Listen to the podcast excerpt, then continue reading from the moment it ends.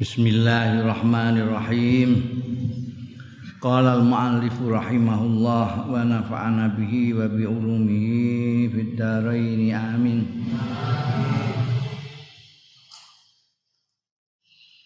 Qala Allah Ta'ala Wasdawuh sapa Allah Ta'ala Fa in tabu wa aqamus salata wa atuz zakata fa khallu sabilahum.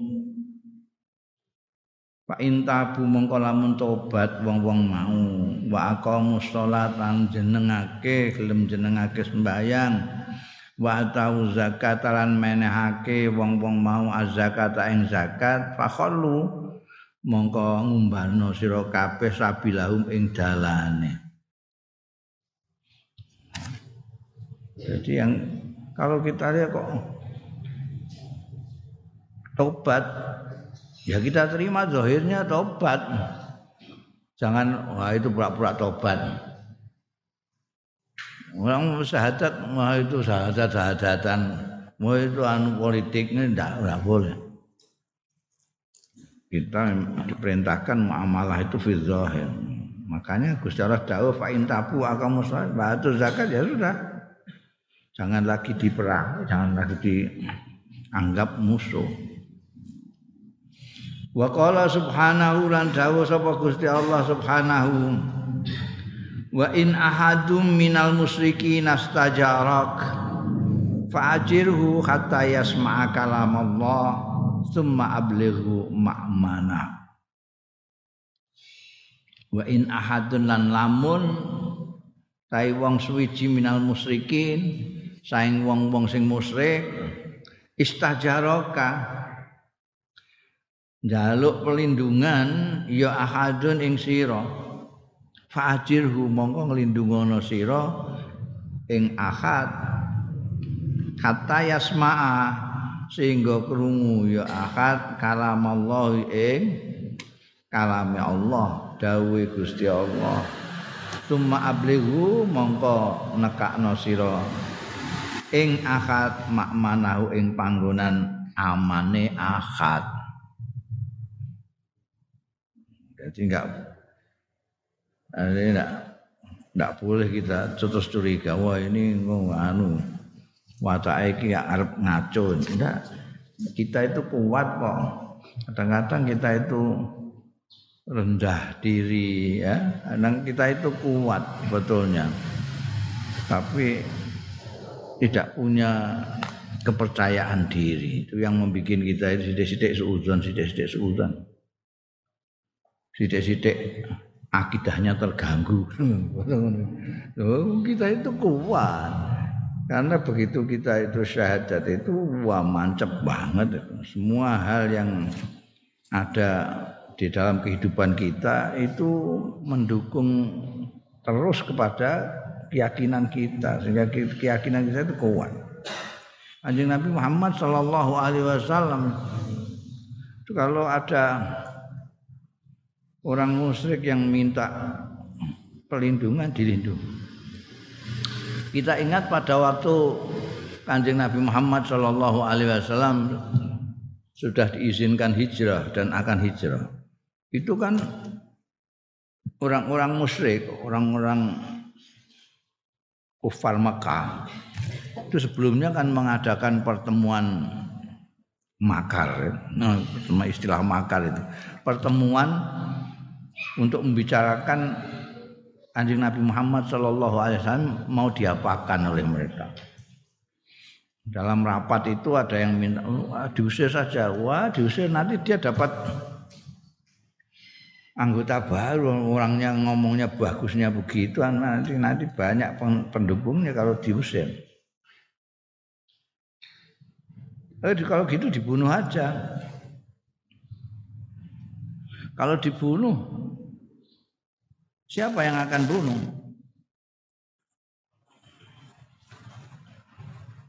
Bani apa yang akan bunuh? Bani Mahzum, Bani Anu. Soalnya nih di Arab itu kalau ada dari satu kabilah satu suku ada yang terbunuh ini tidak peduli salah atau benar harus balas dendam Sa'rul. Jadi kan ini kesulitannya kalau membunuh ini siapa yang bunuh? Nah itu terus pimpinannya Abu Jahal itu yang kemudian mengusulkan kalau gitu gini aja. Kita ambil pemuda-pemuda yang gagah, yang perkosa, yang kuat dari masing-masing suku, masing kabilah. Nanti Muhammad ya antam sekaligus serempak semuanya bareng jet. Jadi Bani Hashim, Bani Manaf tidak bisa balas dendam pada siapa, mau membalas dendam ke seluruh suku, nggak mungkin. Disepakati pemuda-pemuda itu jagong nyanggong nih depan rumahnya kanjeng Nabi Muhammad Sallallahu Alaihi Wasallam. Ingat dalam kisah itu sejarah itu kanjeng Nabi keluar ketika mereka tidur dan di dalam situ ada Sayyidina Ali kalau mau aja. Banyak yang mengatakan Sayyidina Ali untuk mengelabui Ini tidak masuk akal. Kanjeng, kanjeng Nabi yang kayak begitu berbudinya, kekasihnya Allah, kok mau mengorbankan saudaranya dan boleh dikata anak angkatnya. Nah, nah, jadi korban. Kan di, kanjeng Nabi pergi, iki terus ditiliki kok iseh turu ning petulan kono. Orang menyangka itu kanjeng Nabi, padahal Sayyidina Ali. Nah kalau mereka masuk semua terus dibunuh. Jadi korban kan Sayyidina Ali. Jadi nggak masuk akal orang yang mengatakan bahwa Sayyidina Ali dipakai no kanjeng Nabi. Dan ngapain ngaji Nabi di situ? Kanjeng Nabi ninggal Sayyidina Ali situ itu karena banyak orang-orang kafir Mekah yang musyrik-musyrik itu itu kalau titip barang tetap nih gue kanjeng Nabi. Meskipun musuhi kanjeng Nabi. Meskipun musuhi kanjeng Nabi itu nek titip apa-apa ini meh lunga ning dia nitipe nih kanjeng Nabi. Kenapa? Karena mereka meyakini kanjeng Nabi al-amin. Tidak ada orang di Mekah itu dipercaya mengungkuli kanjeng Nabi tidak ada. Ini barang-barang berharga itu dititip kanjeng Nabi Dan kanjeng Nabi mendapat amanat. Dia harus ditinggal pergi. Saya dinali di pasrai. Kingko, weno iki iki. Kanjeng Nabi. Nah, apalagi orang yang sudah karuan jaluk perlindungan, jaluk tulung karo Kanjeng Nabi seperti yang didhawuhna Gusti Allah ini. Ada orang musyrikin minta perlindungan, kasih perlindungan. Siapa tahu dia akan mendengarkan Anjing Nabi Muhammad Shallallahu Alaihi Wasallam menyampaikan ayat-ayat Al-Quran pada sahabat-sahabat dia gedut. Dan yang istimewa di belakang disebutkan summa ablighu mana supaya dilindungi tempat yang aman. Wa ayyadati sunnatun nabawiyatu lan watake mendukung apa sunnatun nabawi hadzal manhaj. Ing iki manhaj. Iki dalan. Iki apa namanya? Prinsip. Jadi prinsip bahwa kita muamalah itu melihat zahir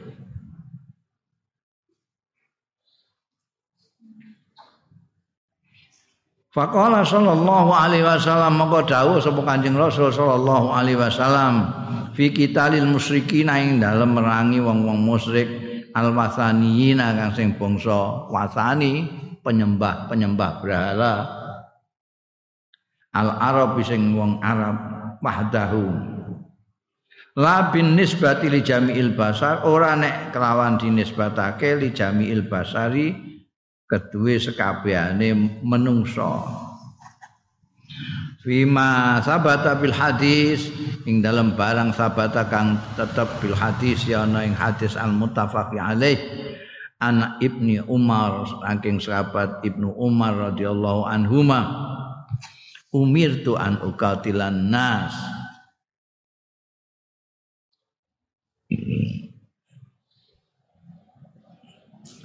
aku diperintahno an uqatila yen to merangi sapa ingsun annasa ing manusa. Artinya menurut ijma yang dimaksudkan ada orang-orang musyrik yang penyembah berhala. Nas itu. Kata ya syahadu sehingga syahadat ya nas Allah ilaha illallah nyakseni ora ana pangeran sinembah iku maujud illallah kejaba Gusti Allah taala.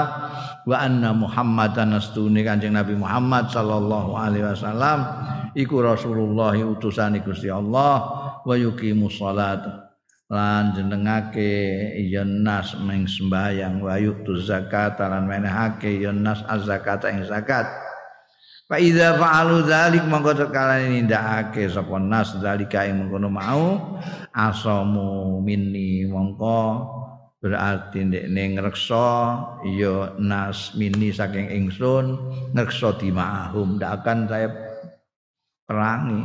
Kan? Dia udah dengan melakukan syahadat bayang zakat itu berarti melindungi dirinya dari kanjeng Nabi bukan hanya di ma'ahum wa amwalahum. Dan banda-bandane ndak bisa diudik-udik bandane lagi illa bihaqil Islam kejaba kanthi hak Islam. Wa hisabu mutawi hisabe nas iku Allah taala ing atase Gusti Allah taala. Kita jadi di dalam Islam itu kita eh, diperintahkan untuk mengadili orang juga berdasarkan lahiriah. Nanti bagaimana yang hakikatnya Gusti Allah kisabu. Udah jangan kita terus sok kayak Gusti Allah wah ngerti jeroane wong sak piturute nganggep orang munafik sak piturute ndak boleh. Kalau dia sudah syahadat, sudah Enggak ada istilah syahadat politis barang ngono gak ono.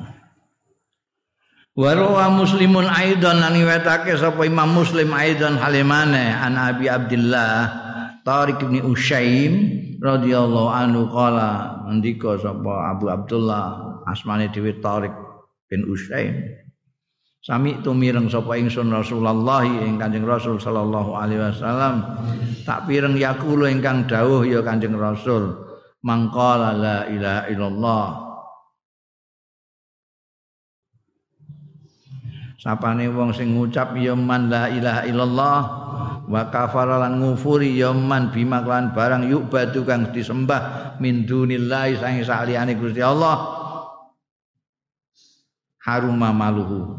Mongko haram apa bandane man. Wadamu lan darahnya man. Ndak boleh dialirkan bandan tidak boleh dirampas. Wa hisabu tai hisabe man alallahi ing atase Gusti Allah taala. Perhatikan kata-kata kola mangkola itu. Mangkola. Bukan bukan man amana. Mangkola. Ngucap. Orang yang sudah ngucap la ilaha illallah. Kamu menyembah enggak apa? Benda mati. Nah. Tidak ada Tuhan kecuali Allah. Itu sudah kita hukumi sebagai orang muslim yang tidak boleh kita udik-udik bandan kita udik-udik darah nyatane piye? Hisabum Allah wa fi halit tadbikil fi'li lan ing dalam kondisi praktek dan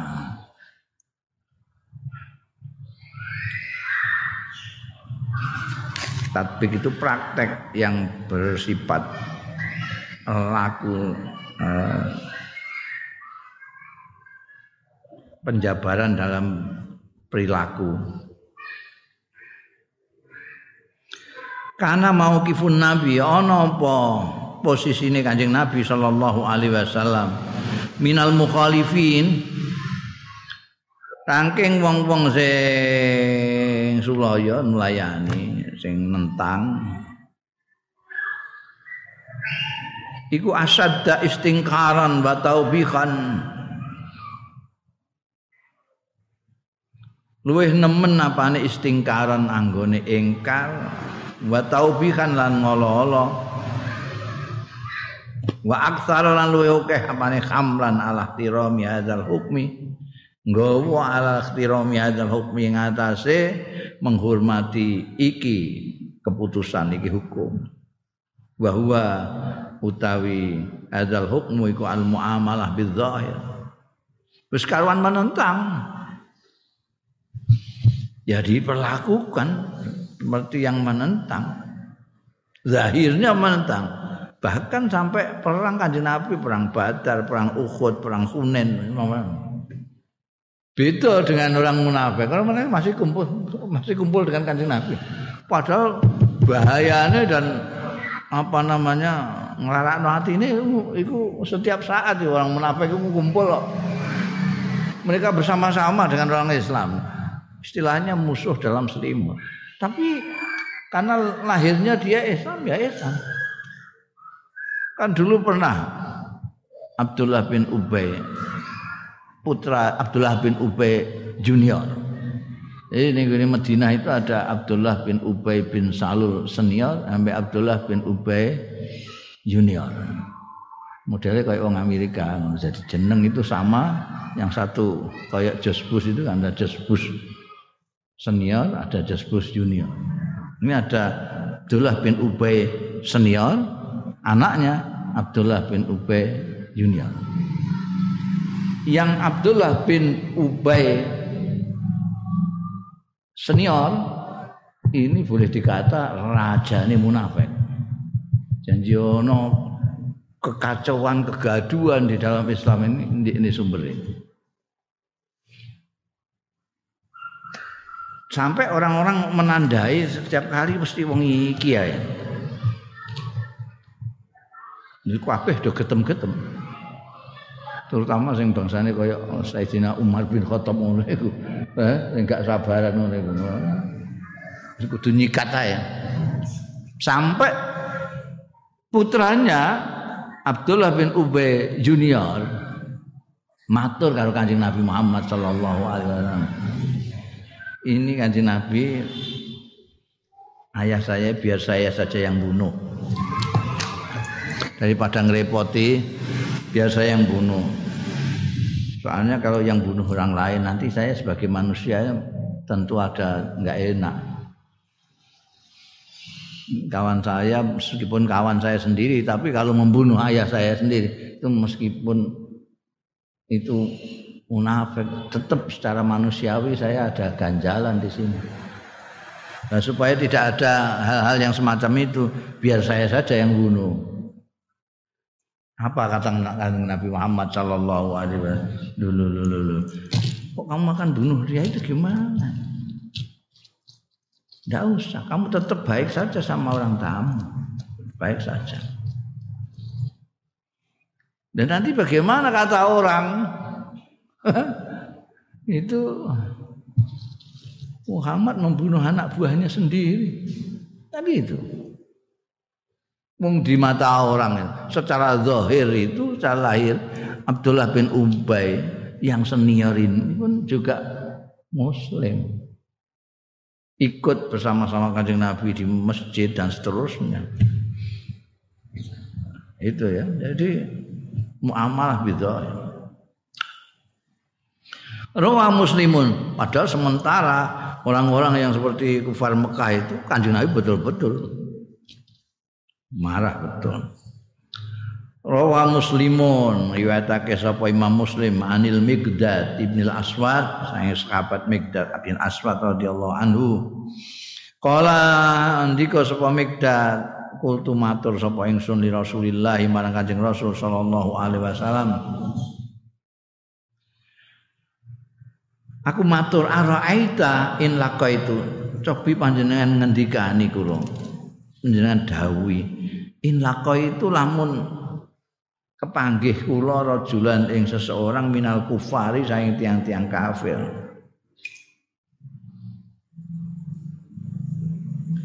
Fakta talna mongko perang. Tanding sapa kita?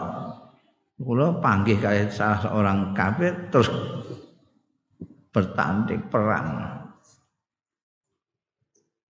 Padaraba ihdayadaya besar.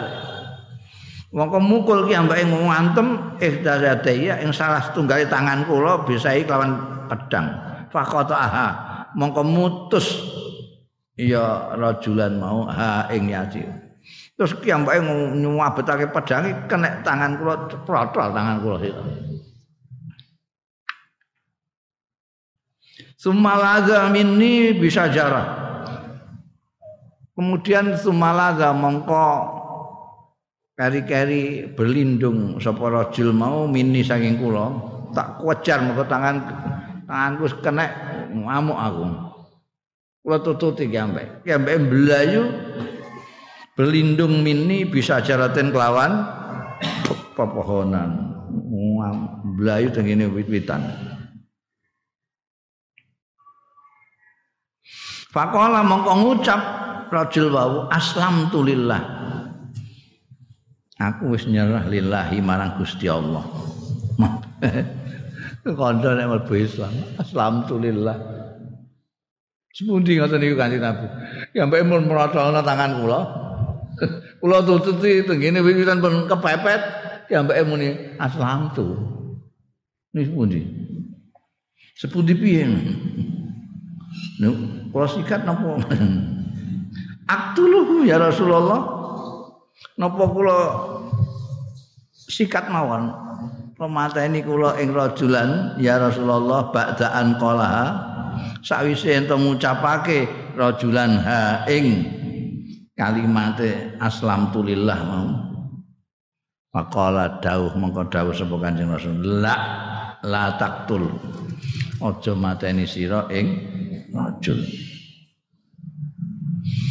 Fakultu moko matur sapa ingsun ya Rasulullah. Kota ihdayadaya. Nuki mbake pun motong meratolake ihdayadaya salah siji tangan kula kalih. nembe sumakola zalika mengko keri-keri ngucap sapa rajulan zalika ing mengkono-mengkono aslam tulillah Ba'da makota merotol ya mutusake kiambake ha ing ihdayadaya. Maka maka dawuh kan dadi tidak terima. Wong pun protol tangan kula setunggal.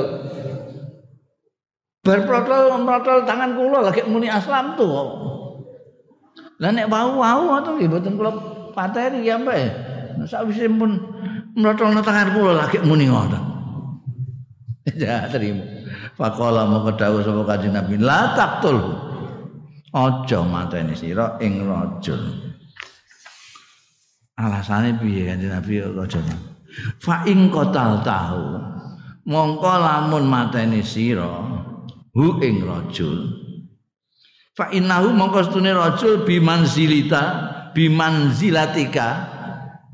Odo ning kelawan kedudukanmu qabla antak tulahu sadurunge ento mateni sira ing rajul wa inna kala sedune sira iku bimanzilatihi ana ing kedudukane rajul qabla ayyakula sadurunge ento ngucap ya rajul kalimatahu ing ucapane rajul allati qala sing wis ngucapno sapa rajul. Oh itu kanjeng Nabi Muhammad Shallallahu Alaihi Wasallam. Ini yang jarang jarang terpikirkan termasuk oleh Mikdad sendiri. Ini dijelaskan oleh kanjeng Nabi kenapa tidak boleh dibunuh? Kalau kamu bunuh dia itu maka kedudukannya kedudukanmu ini sama saja dengan sebelum kamu bunuh. Sebelum kamu bunuh dia musyrik dia kafir kamu akan seperti itu setelah kamu membunuh. In qatal tahu fa innahu bimanzilatika qabla an taqtula. Wa innaka bimanzilatihi qabla ayyakula kalimatahu allati qala.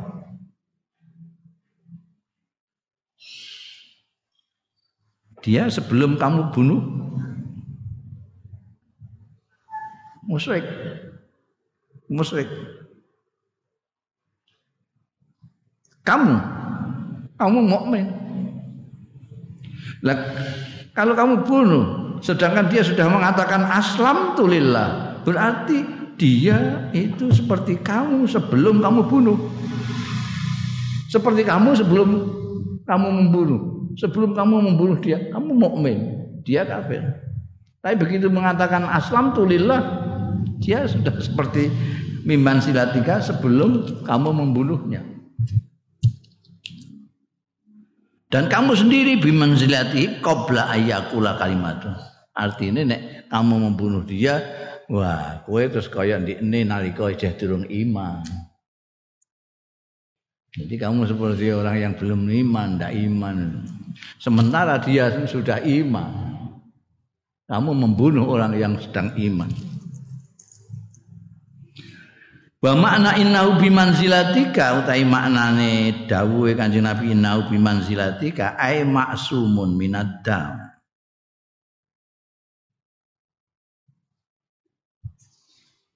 Enggak paten itu bagaimana? Dia itu maksumud dam seperti kamu. Kenapa? Karena dia sudah mengucapkan aslam tulillah. Mahkumun bi islami dihukumi bi islami kelawan islami.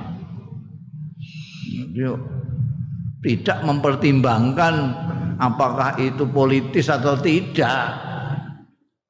Dalam hati apa tidak mengatakannya aslam tu enggak. Begitu dia mengatakan aslam tu lillah dia sudah maksum darahnya. Dia sudah dihukumi Islam. Jadi sudah seperti kamu wa makna innaka bimanzilati utai maknane innaka bimanzilati. Ai mubahuddam kamu terus seperti dia.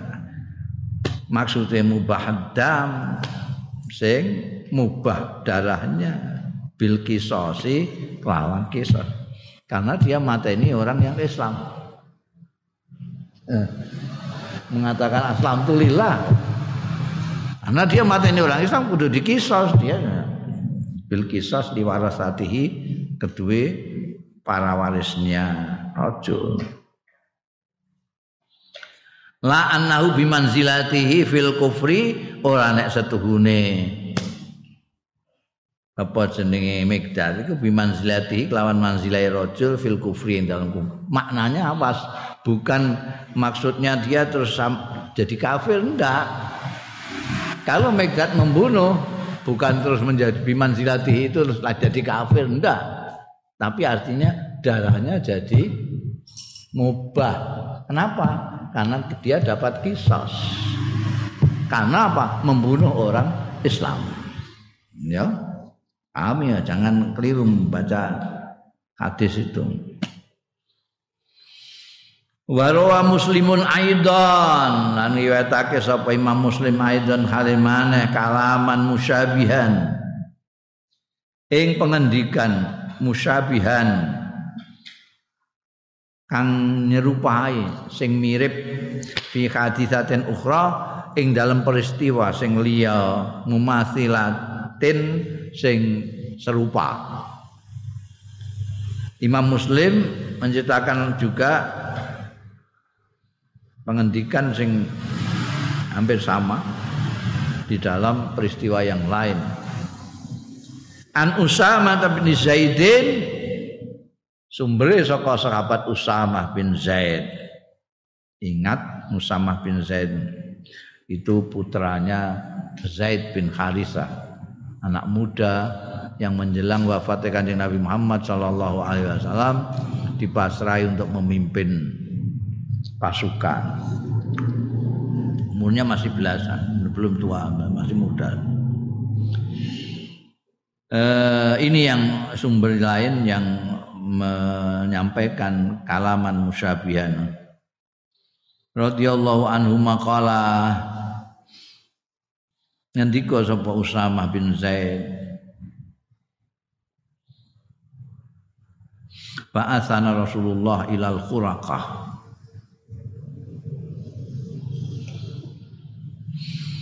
ngutus ing kita sapa Rasulullah Kanjeng Rasul sallallahu alaihi wasallam ilal khuraqah min Juwaina. Jadi Khuraqah itu nama satu klan dari suku Juhaina. Juhaina. Jadi apa model nih Arab itu persukuan atau kabilah itu berdasarkan mbah apa mbah buyut? Apa mbah buyut? Apa mbah canggah makanya ada Bani Hasim tapi dulunya aneh Bani Abdi Manaf. Gitu. Nah ini ada Kurakah di atasnya lagi ada Juhaina. Kita diutus ke sana. Pasabahna mengko isu-isuan kita alamiyahihim maksudnya sobahna itu nekani waktu subuh kita. Kita mendatangi Kurokoh pada waktu subuh. Nekani al kaum ing kaum Kurokoh tadi alamiyahihim ing atase sumber-sumber mereka. Orang Arab itu sumur atau air itu penting sekali. Terjadi perang sering kali perang eh, ada perang sitaan wasaif barang itu itu gara-gara memperebutkan minyak memperebutkan tempat-tempat air mereka itu kan tidak punya seperti kita rumah gitu. Tapi mereka pakai kemah-kemah. Sak kampung itu, sak kampung artinya sak kabilah. Ya. Misalnya kurakoh kabeh itu menempati tempat yang ada airnya. Pernah direbut sama orang lain, kabilah lain, dia kalah, dia lari, ini ditempati, dia cari lagi tempat air lagi. Nah, waktu itu ini pasukan yang diikuti oleh Usamah bin Zaid ini datang subuh-subuh ke tempat Miyai.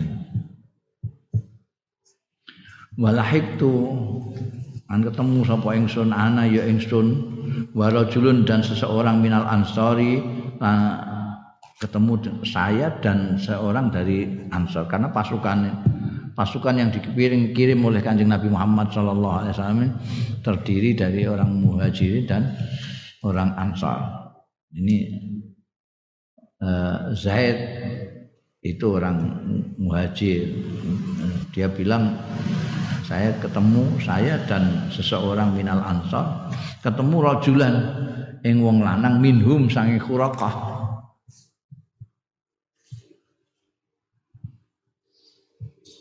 Falamma ghazaina. Falamma ghazaina mongko kalane ngepung sapa kami saya dan rajulun min ansor hu ing rajul kala ngucap sapa rajul la ilaha illallah. Jadi dua orang pasukan Kanjeng Nabi Muhammad sallallahu alaihi wasallam ini antara lain Usamah dan satu orang dari Ansor nyekel wong Musa iki mau wong. Orang musyrik yang orang. Udah karek sikat meneh wong dhewean wong siji direbut wong loro. Dadak kala ngucap sapa rajul mau la ilaha illallah. Muni la ilaha illallah. Fakaffa mongko nahan anhu saking rajul sapa ansori. Kancaku sing ansor iki terus mandek gak gelem mateni ini. Menurut pedangnya terus di an duk. Mana la ilaha illallah. Wa antu aku tak sikat. Wa antu lan menikam sapa ingsun ku ing rajul birumhi kelawan tombak ingsun kata kotal tuh sehingga mateni sapa ingsun hu ing rajul sing ancol. Eh nek ndelok iki kok wong ancol iki rada hati-hati liwat. Timbalane rasa apa senenge Usama. Sama ah ora iku mesti politis iki. Sikat ae. Sing ansor oh, wis muni la ilaha illallah. Falam maqadimna al-Madinah, mongko bareng teko kita al-Madinah ta ing Madinah. Sudah balik dari perang, pulang ke Madinah. Balago. Sampai apa zalika peristiwa itu mau bahwa ada musuh yang sudah keteter, keteter dihadapi dua orang Usamah dan Ansor, orang Ansor sing orang Ansornya ndak jadi bunuh sing Usama mateni. Faqala mongko dawuh sapa Kanjeng Rasul sallallahu alaihi wasallam lima reng ingsun. Ya Usama, ya Usama tuh Usama, aku tahu ba'da maqala la ilaha illallah. Ana to mateni sira ing wong lanang kabeh mau. Ba'da maqala sakwise ngucap ya rajul la ilaha illallah.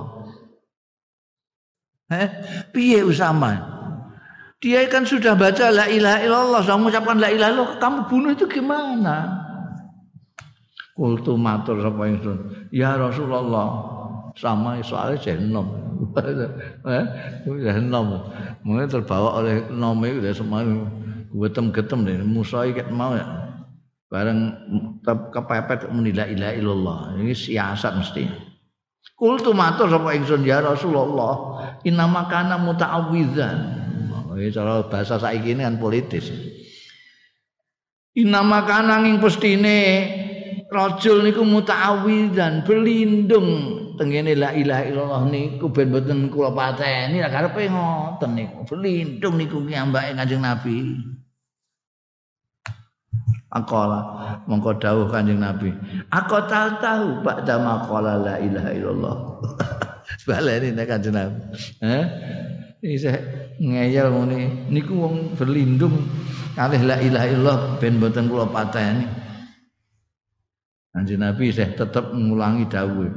Ana to mateni sira Usama ing rajul ba'da maqala la ilaha illallah. pamazala yukalliruha mongko ora gingsir-gingsir Kanjeng Nabi ku yukalliruha bulan baleni Kanjeng Nabi bean dawuh akotal ta ba'da maqala la ilaha illallah. Akotal tahu ba'da maqala la ilaha illallah. Di bulan baleni ning riwayat liya itu Kanjeng Nabi ngendika kok gak mbok bedah? Ing sakok tak? Sadrahu. Dipulan balane. Wa kaifa bila ilaha illallah dengan riwayat lain wa kaifa la ilaha illallah. Oh di sini Akotal tah ba'da maqala la ilaha illallah itu sing diulang-ulang. Akotal tah maka kamu bunuh dia setelah dia mengucapkan la ilaha illallah. Apakah kamu bunuh dia setelah dia mengucapkan la ilaha illallah? Apakah kamu bunuh dia? Diulang-ulang terus. Kata tamanna itu sehingga ngelamun mengharapkan sapa ingsun anis tune ingsun lam akun aslam tu qabla dzalikal yaum. Ora ana sapa ingsun iku aslam tu Islam sapa ingsun qabla dzalikal yaum. Sadurunge mengkono-mengkono dina saya sampai wah saya ini ya, seolah-olah saya ini belum Islam Sebelum hari itu saya baru Islam. Tamanna itu an lam akun aslam tu qabla hadzalikal yaum. Jadi Usamah merasa baru hari itu ketika kanjeng Nabi mengulang-ulang aku tahu ba'dama qala la ilaha illallah. Setelah mengulang-ulang itu saya baru merasa saya itu menjadi muslim. Kayak sak dulu kayak aku gak Islam, gak ngerti. Apa artinya? Ya itu tadi memperkuat manhaj tadi, prinsip Islam itu menghukumi itu dengan melihat lahir. Jadi ya benar Wah itu mulutnya saja itu nggak bisa. Kenapa nggak bisa? Karena dia tidak tahu dalamnya. Artinya mulutnya saja itu kan enggak artinya enggak masuk hati tahu gitu. Apa dia tahu hatinya? Sekarang seenaknya orang itu menganggap orang Islam tidak Islam, tidak saudaranya. Menganggap orang Islam tidak saudara. Padahal orang yang al muslimu akul muslim. Lah muslim itu mangkola la ilaha illallah itu sudah muslim. Jadi begitu orang mengatakan la ilaha illallah Muhammad Rasul itu sudah saudara kita. Kok bencinya begitu kamu dengan dia? Apa tidak dengar kanjeng Nabi dawuh al muslimu akul muslim? Oh, itu. Itu ini loh. Ngantek dawuhe Usamah bin Zaid hatta tamannaitu anni lam akun aslamtu qabla dzalikal yaum. Nah, ya Allah.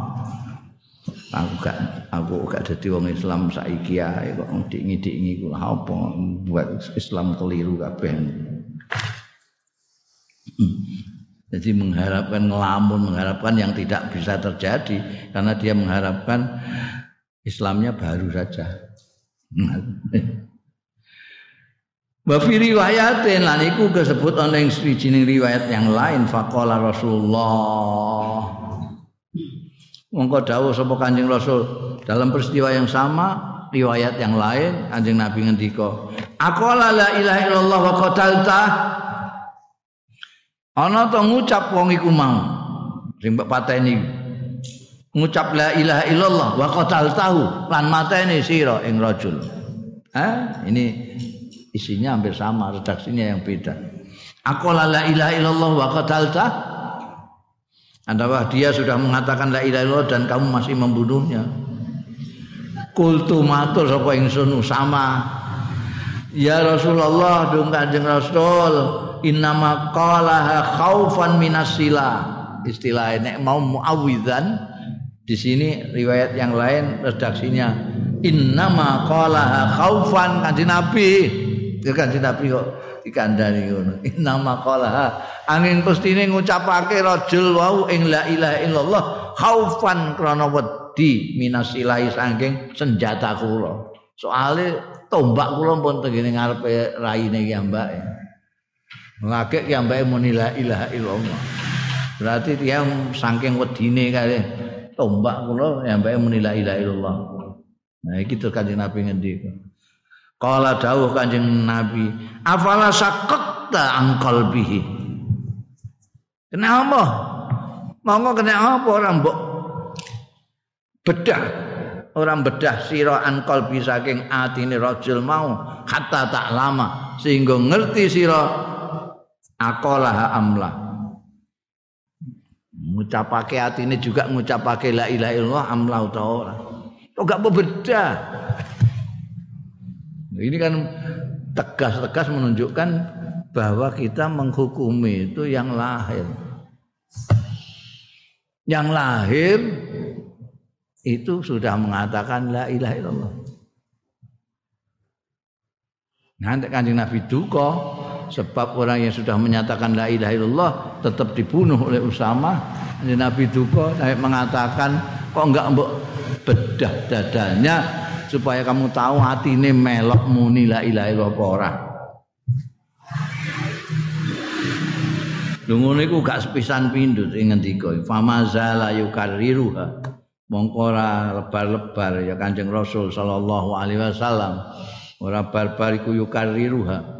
Bulan balen ya Kanjeng Rasul ha ing dawuhe afala syakak ta angkal bi hatta ta'lama aqala amla kata taman nainu singgo ngelamun. Taman niku ngelamun karena mengharapkan sesuatu yang tidak mungkin itu taman. Adiknya adalah rojak. Rojak itu mengharapkan sesuatu yang mungkin terjadi. Kalau kamu rojau itu itu masih ada kemungkinan. Itu ya Allah ini aku untuk duit sepuluh hebu mungkin lah Ya Allah, muga aku untuk duit sak triliun iku tamani. tamani. namanya orang mungkin mukhal gitu Iki juga gitu. Tamanna itu anni aslam tu yauma izin. Stune ingsun iku lagi mlebu Islam yauma izin nalika iku. Ya. Wastaqarra lan tetep apa at-tasri'u al-islami agama Islam ala hadzal manhaj ala hadzal minhaj ing atase iki prinsip dalan iki.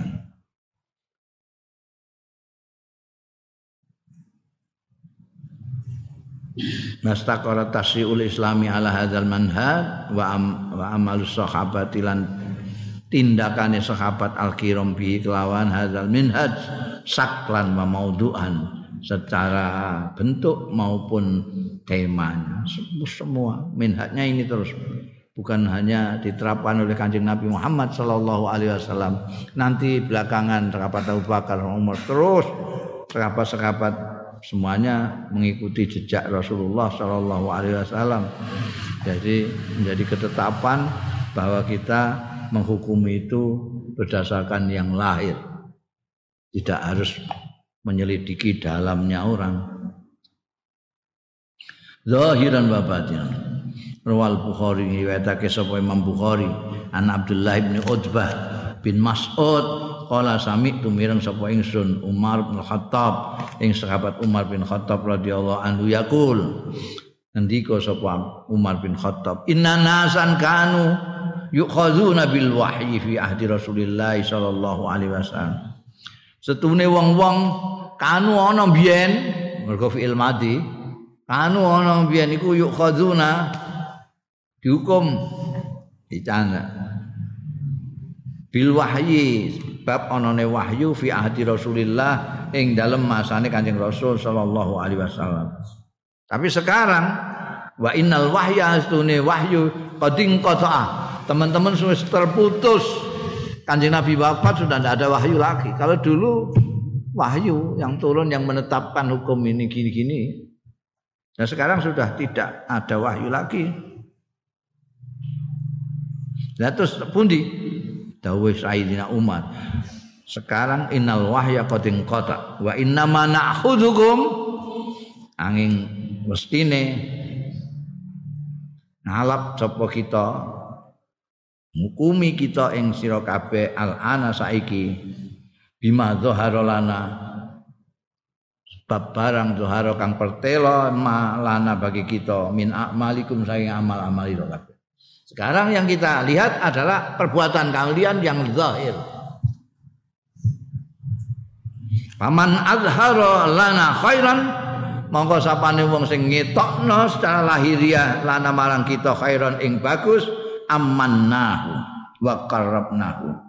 Monggo memberikan keamanan ing sun ing man wa qarrabnahu. Lan marekake sapa kita hu ing man kita jadi dekat dengan orang itu kalau memang dia memperlihatkan kebaikannya dan biyen kepenak kita mau agak berjarak dengan orang itu karena kanjeng Rasul Shallallahu Alaihi Wasallam diberitahu wahyu itu orang munafik kanjeng Nabi kelihatan seperti beda dengan orang itu kita melok-melok karena ada wahyu, ada kanjeng Nabi. Sekarang tidak ada. Sekarang ya pokoknya lahirmu piye. Kalau kamu kelihatan baik ya sudah tak baiki. Balai salana lan ora. Lana iku kedue hak kita min sarirati saing jeroane man. Laisa lana ora ana iku kedue kita min sariratihi apa saeun suwiji-wiji. Ndak tahu sama sekali kita yang kamu delikno ning gone atimu siapa sing ngerti Allahu yuhasibu fi sarirati Gusti Allah sendiri utawi Gusti Allah iku sing yuhasibuhu ngisap sapa Allah ing man adhara fi sarirati ing dalam jeroane man. Kita hanya melihat yang tampak. Allah nanti yang akan hisap jeroane jeroane kok wong iku mau tampaknya baik? Ya kita baiki. Kita baiki. Udah ini kita apa? Dini ini jerone ora, Gusti Allah nanti yang akan hisab. Waman azhara lana su'an utawi sapane wong sing ngetokno ya man lana marang kita su'an ing Allah, oh dia kelihatan jahat. Lam nak madu, mongko tidak memberikan keamanan kita kita curigai oh ini jahat, kita jahat. Walam nusaddiku lan ora benerake kita ing iman. ngomong ndak kita Duduk niku jane ketok-etok elek iku. Jerune apa ora peduli. Kita lihat jawabannya. Jawabannya elek ya elek ngono. Ngomong nggak percaya kita, wong jahat. Wa in qala inna sariratahu hasanah senajan ana sapa man azhara inna sariratahu sedune jeroane man iku hasanatun bagus. Meskipun dia ngomong begitu, kula niku ikhlas kok. Tapi wong lahire kaya ngono. Muni ikhlas ikhlas barang. Ya, tetap kita hukumi dia itu jahat. Ini diketokno jahat. Bundel aljud wal infak. Lomo lan infak. Ada dua hal yang satu ini karakter, yang satu perbuatan. Orang yang mempunyai karakter jud, dermawan, itu kalau dia punya sesuatu selalu menginfakkan miliknya. Sebagian lah, paling tidak. Al judu tawi lomo wal ihsanulan gawe bagus kawine nraktir eh, merseni wong. Niku ihsan. Orang yang begitu merkejut karena dia dermawan. Al judu wal ihsanu wa sarful mali lan nasarep ke bondo fi wujuhil khairi ing dalam segi-segi kebaikan. Bantu wong gawe madrasah nulung wong miskin, nulung sing keserakat sak piturute iku. Iku min sifati ahli iman saking pira-pira sifate ahli iman. Ya. Kamu kalau ingin tahu sifat-sifat ahli iman antara lain adalah dia itu dermawan, mau berbuat baik kepada orang, mau menasrubkan hartanya untuk kepentingan-kepentingan kebaikan sesama. Itu ciri-ciri salah satu cirinya ahli iman. Kenapa? Karena ahlul iman itu percaya, iman itu percaya. Ahlul iman itu percaya kepada Allah Subhanahu wa taala. Allah itu sudah berfirman akan menjamin semua yang gemremet di sama minta batin illa alallahi rizquha. Sing gemremet ning gone muka bumi ini cek binatang cek manusia. Bahkan ana kewan ning jero bol ning jero jero apa jenenge? Pring iku pring ning jero pring. Mbok pecah pringe ning jero ana kewan. Mbok bayangno mangane piye ana cacing ana anu tumo burung-burung. Anu semuanya direzeki jamin kalau percaya kabeh do percaya manuk barang percaya ambekan itu. Kecuali manusa. Manusa iku ana sing percaya ana sing ora. Ana sing iman ana sing ora. Burung-burung itu percaya. Dia tidak pernah ada burung itu kok nyimpan makanan bertonton itu enggak ada. Enggak jebol sarangnya itu. Enggak pernah. Setiap pagi dia pergi lagi, cari makan untuk hari itu, tek plung tek plung. Itu begitu. Kanjeng Nabi Muhammad Shallallahu Alaihi Wasallam ya seperti burung itu. Tidak ada seperti sekarang ambut gawe itu untuk keturunan tujuh tujuh turunan ada Karena apa percaya ya, mesti ono Gusti Allah itu pasti. Ya. Itu karena itu karena dia percaya maka dia tidak punya ketakutan, melarat, tidak pun takut. Mau membelanjakan hartanya takut nanti kalau habis, tidak ada. Kalau saya nafkahkan orang terus esok piye? Tidak ada. Kenapa? Dia yakin ada Tuhan kok. Ada Gusti Allah Maka untuk melihat orang itu pemberani atau tidak juga bisa kita lihat dari dia dermawan atau tidak. Untuk mengetahui dia imannya kuat atau tidak juga dari dia itu ikhlas enggak memberikan kepada orang. Bandingkan al-jud wal ihsan wa sarmul mal fi wujuhil khair min sifati ahli iman.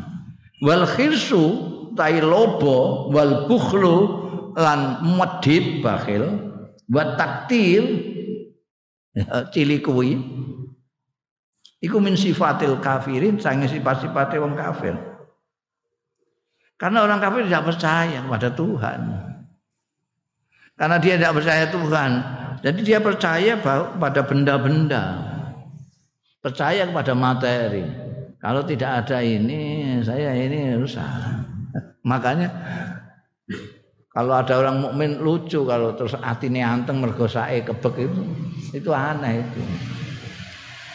Aku ayem ini, sakku kebek. Iya. Lho kowe wong mukmin mbok kosong blong kantongmu ya tetep ayem ah. Ayeme kok nek ana duwike piye? Berarti kepercayaannya pada duit. Wasababul farqi bainal farikan. Utawi sebabnya beda. Bainal ini antara dua pepantan ahlul iman bean kafirin. Iku anal mukmin. Setune wong mukmin iku ya takidu. Oh. Yakin nekotno ya mukmin bi annal rizqa kelawan setuhune rezeki.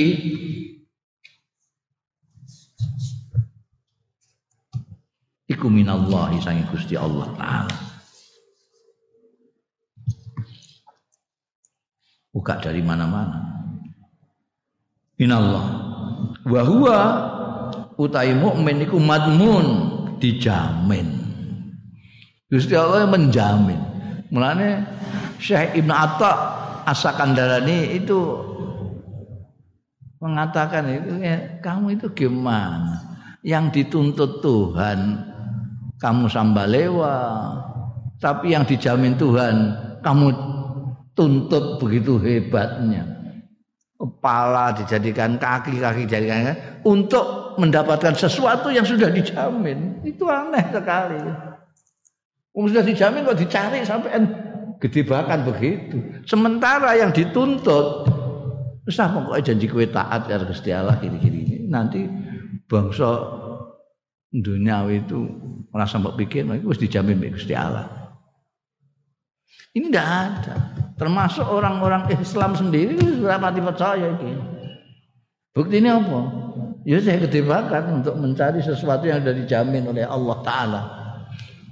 Sampai mengabaikan sesuatu yang dituntut oleh Allah Subhanahu wa taala. Yang dituntut oleh Allah Subhanahu wa taala dikalahkan sama sesuatu yang sudah dijamin Allah. Itu itu kan nggak mati dunung itu cara berpikirnya. Wa huwa manmun wa annal kafir lan setune wong kafir bandingane wong mukmin. Ya syada iman itu kuatir ya wong kafir dak iman selawase al faqra ing kefikiran. Jadi nek kowe kok wedi pikir, ayo kowe memper ngono ae. Ora wong kafir nek memper wong kafir. Ora kafir tapi memper. Memper apa? Kelakuane. Wong kafir kelakuane wedi pikir. Kenapa kok dia wedi pikir? Li annahu la yuhsinu billahi taala. Beda kalau wong mukmin. Wong mukmin husnuzan karo Gusti Allah taala. Ah, Gusti Allah iku ndikne tok wong sugih-sugih iku sing kawulane Gusti Allah aku ya kawulane Gusti Allah ndikne dikai iku aku gak tak mungkin husnuzan Gusti Allah orang kafir tidak punya itu di annahu la yuhsinudzon karena setuhune wong kafir iku la yuhsinu orang bagusake ya wong kafir adzonna ing penyonone billahi lan Gusti Allah taala. Wa yanzuru lan ningali ya kafir ilal hayati marang kehidupan ini nazatan madiyatan aliyatan. Ya. dengan pandangan kelawan pandangan sing bangsa materi yang eh, yang prioritas. Jadi oh hidup ini ya materi itu. Wayarolan berpendapat ya kafir. Anal mala setune bondo. Iku ya taharraku bergerak bi kudratil insan kelawan kemampuan manusia. Oh, dia mengira nek kowe gak nyambut gawe ra duwe duit kowe.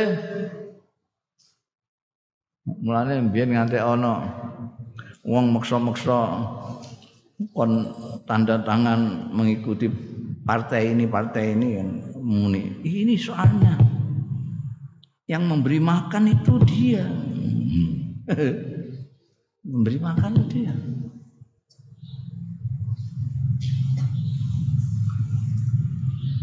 Jadi, karena pikirannya yang mendatangkan duit enggak segala macam itu bondo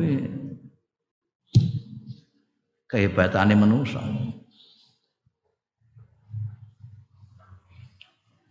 Tapi wong itu lali, wong lali. Kalau memang bondo rezeki itu tergantung kepada apa sedenge kekuasaan manusia. Kemampuannya manusia itu dari apa? Dari ilmu. Ilmu itu dari apa? Dari akal. Kalau itu benar, maka orang-orang yang berakal, yang pinter-pinter tok yang suge-suge. Yang bodoh-bodoh itu mesti marate. Kewan-kewan malah orang mangan, mereka gak diakal. Kalau yang sing duwe rezeki sing iso duwe mal itu adalah orang yang pinter, yang bodoh. Apalagi kok kebu Orang duwe rezeki blas. Itu pikirane wong kafir. Ma'anal amwala satane setuhune bondo-bondo iku latan takil ora berpindah. Walaya tayassal khusur alaiha. Ora iso gampang alpa al khusulu mendapatkannya alaiha ing atase amwal illa biiznillah. Kejaba kelawan izini Gusti Allah wa taufiqihi lan taufiki Gusti Allah taala wa taisirihi lan alang gampangake Allah Ar-rizqa ing rezeki li makhlukati maring makhluk-makhluke Allah. Bagaimanapun tergantung Gusti Allah taala. Hmm. Sing ahli ekonomi, ekonomi ini dhewe cal kacel.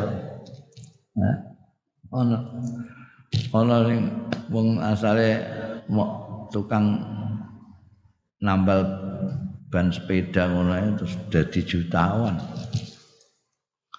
Itu. Pasti Allah. Wa ma'alal insani illa sa'i wal amal. Lan ora ana kewajiban ing atase manusa illa sa'i. Illa sa'yu kejaba berusaha wal amal lan bekerja sudah itu. Manusia itu dituntut untuk bekerja, berusaha. Tapi wayatruk nang tinggal ya insan takdiran nata iji ing takdire hasil hasile usaha lan amal Kamu jangan menentukan sendiri. Kalau saya bekerja begini, saya mesti begini. Kalau saya begini, eh begini. Kalau saya begini, mesti kaya. Jangan. Karena itu bukan di tangan kita. Kita itu diharuskan untuk berusaha beramal. Sudah kita berusaha beramal. Tapi untuk menentukan hasilnya bukan kita. Karena itu berkali-kali saya mengatakan setiap usaha kita jangan pernah lupa dengan diiringi oleh memohon kepada yang menentukan hasil itu yaitu Allah taala. Kamu belajar berusaha sekuat tenaga dapat ilmu. Tapi jangan lupa memohon Tuhan mendapatkan futuh supaya dapat ilmu. Ana aja kok njagakno cerdas tapi durung sampai turute. Heeh. Jadi wa ku takdiran nataid wa tahqiqal ghayat lan kenyataane tujuan-tujuan akhir. Meninggal wa tahsilal arzaki lan anggone ngasilake pira-pira rezeki kita biarkan ilallahi taala marang Gusti Allah taala. Jadi kita bekerja lalu hasilnya kita serahkan kepada Allah Subhanahu wa taala. Fahuwa mengkotai Gusti Allah Ta'ala iku al-malikul zat kang mengerani likul lisain maring sekabiane hal. Semua itu yang menguasai Allah Ta'ala. Kamu bisa bekerja setengah mati tapi kalau kamu mengabaikan al malikul likul lisain wis malah lara kabeh aku tenanan ini kok gak kasil. Nah, kamu gak minta kepada maliku kulli syai'in yaitu Allah. Wa biyadihi lan ana ing astane Allah mafatihu khazaini samawati wal ard kunci-kuncine gudang-gudange langit-langit lan bumi. Kuncinya ada di tangan Allah. Kita hanya melakukan ikhtiar karena diperintahkan Allah Qala Allah taala dawuh. Sapa Gusti Allah taala wa ma anfaqtum min syai' wa ma anfaqtum min syai'in fa huwa yukhlifuh wa mau tai barang amfaktum sing nafakahna sira kabeh min saein ing apa-apa fahuwa mongko utawi Allah iku yukhlifuhu ganti sapa Allah ing syai. Jangan kuatir Gusti Allah itu sugih banget. Kowe nafakahna puluh ewu kok iman-iman. Diganti Gusti Allah ora terima sepuluh ewu. Terus ewu nganti sak juta yukhlifu ayu awiduhu ngijoli sapa Allah ing syekh wa qala subhanahu lan tahu sapa Allah subhanahu. Orang yang percaya ini orang mukmin. Orang yang percaya ini dia pasti lomo. Dia pasti ringan sekali untuk menafkahkan dan kenapa? Karena dia yakin Allah akan mengembalikan ngijoli ma anfaqtu min syai'in fa huwa yukhlifu iki dawuh Gusti Allah la yukhliful mi'ad Gusti Allah itu tidak akan belinjani wa ma tunfiqu min khairin fali anfusikum wa ma tunfiqun وما تنفقون إلا ابتغاء وجه الله وما تنفقوا من خير وما تنفقوا من خير يوفى إليكم وأنتم لا تظلمون وما تنفقوا من خير. Tai barang kang nafkahna sira kabeh min khairin ing kebaikan apa pun biasanya dimaknani bondo apa pun Fali anfusikum mongko iku sejatine kanggo awakmu dhewe. Wa ma tunfikuna lan tai barang sing nafakano sira kabeh. Wa ma tunfikuna ora nafakano sira kabeh ngono. Illab tigha awajillah kejaba nuprih ridane Gusti Allah. Wa ma tunfiku lan ora nafakano sira kabeh min khairin ing apik. Iwafa mongko nuhoni ilaikum eh? wa mau tai barang tumfiku sing nafakana sira kabeh ngono. Wa mau tai barang tumfiku sing nafakana sira. Bayane min khairin nyatane apik. Iwafa iku nuhoni sapa Allah ilaikum marang sira kabeh wa antum hale utai sira kabeh iku latulamun ora dingani oyo tidak dirugikan sama sekali apa yang kamu nafkahkan sebetulnya untuk diri kamu sendiri. Kalau kamu menafkahkan hartamu karena Allah, kamu menafkahkan hartamu untuk kebaikan, maka Allah akan memberikan ganti kepada kamu sekalian. Tidak rugi sama sekali. Ailatum fikuna syai'an. Tegese ora nafakano sira syai'an ing apa-apa illa talaban. Kejaba nuprih limardatillahi marang ridane Gusti Allah. Wa anna Allah lastuni Gusti Allah. Iku yu'iduhu balekake sapa Allah ing syai'an mau ilaikum marang sira kabeh min ghairi nuksanin saking tanpa kurang sama sekali Wa qala azza wa jalla dawuh sapa Gusti Allah azza wa jalla banyak sekali iki dawuh-dawuh Gusti Allah sing nganjurake infak. Wa ma tunfiqu min khairin fa innallaha bi alim. Tai barang tunfiku sing padha nafkahna sira kabeh. Sithik cek akeh. Min khairin nyatane bagusan. Biasanya dimaknani bondo. Innahu li hubbil khairi lasadid itu maknane bondo. Fa innallaha mangkastune Gusti Allah bihi kelawan khair iku alim. Utawa matum fiku iku alimun maha pirsa Gusti Allah pirsa senajan tangan tengenmu sing nginfakno tangan kiwamu ora ngerti Gusti Allah pirsa. Wallahu ya'lamu. Mongko te Gusti Allah iku ya'lamu pirsa jami'ama ing sekabehane barang fis samawati kang ana ing dalem pira-pira langit wal ardi lan bumi. Wa ya'lamu lan pirsa sapa Allah kullana nafaqatin ing saben-saben nafkah sing kamu nafkahkan. Sahiratin kecil au kabiratin utawa gedhe. Yaksidu sing nejo sapa wong atau yuksa tu sing dituju biasa kelawan nafkah mau apa wajuhu? Zate Gusti Allah taala. Kalau kamu menafkahkan seberapapun kecil atau besar karena Allah Allah akan perso. Artinya kalau perso itu gimana? Ya akan dibalas, akan dikembalikan nanti dijoli lebih lagi dari apa yang kamu nafkahkan. Itu dawuh-dawuh Quran jadi dalile ora terima hadis itu Quran. Wa tu'ayyidul ahadits nabawiyah wallahu alam.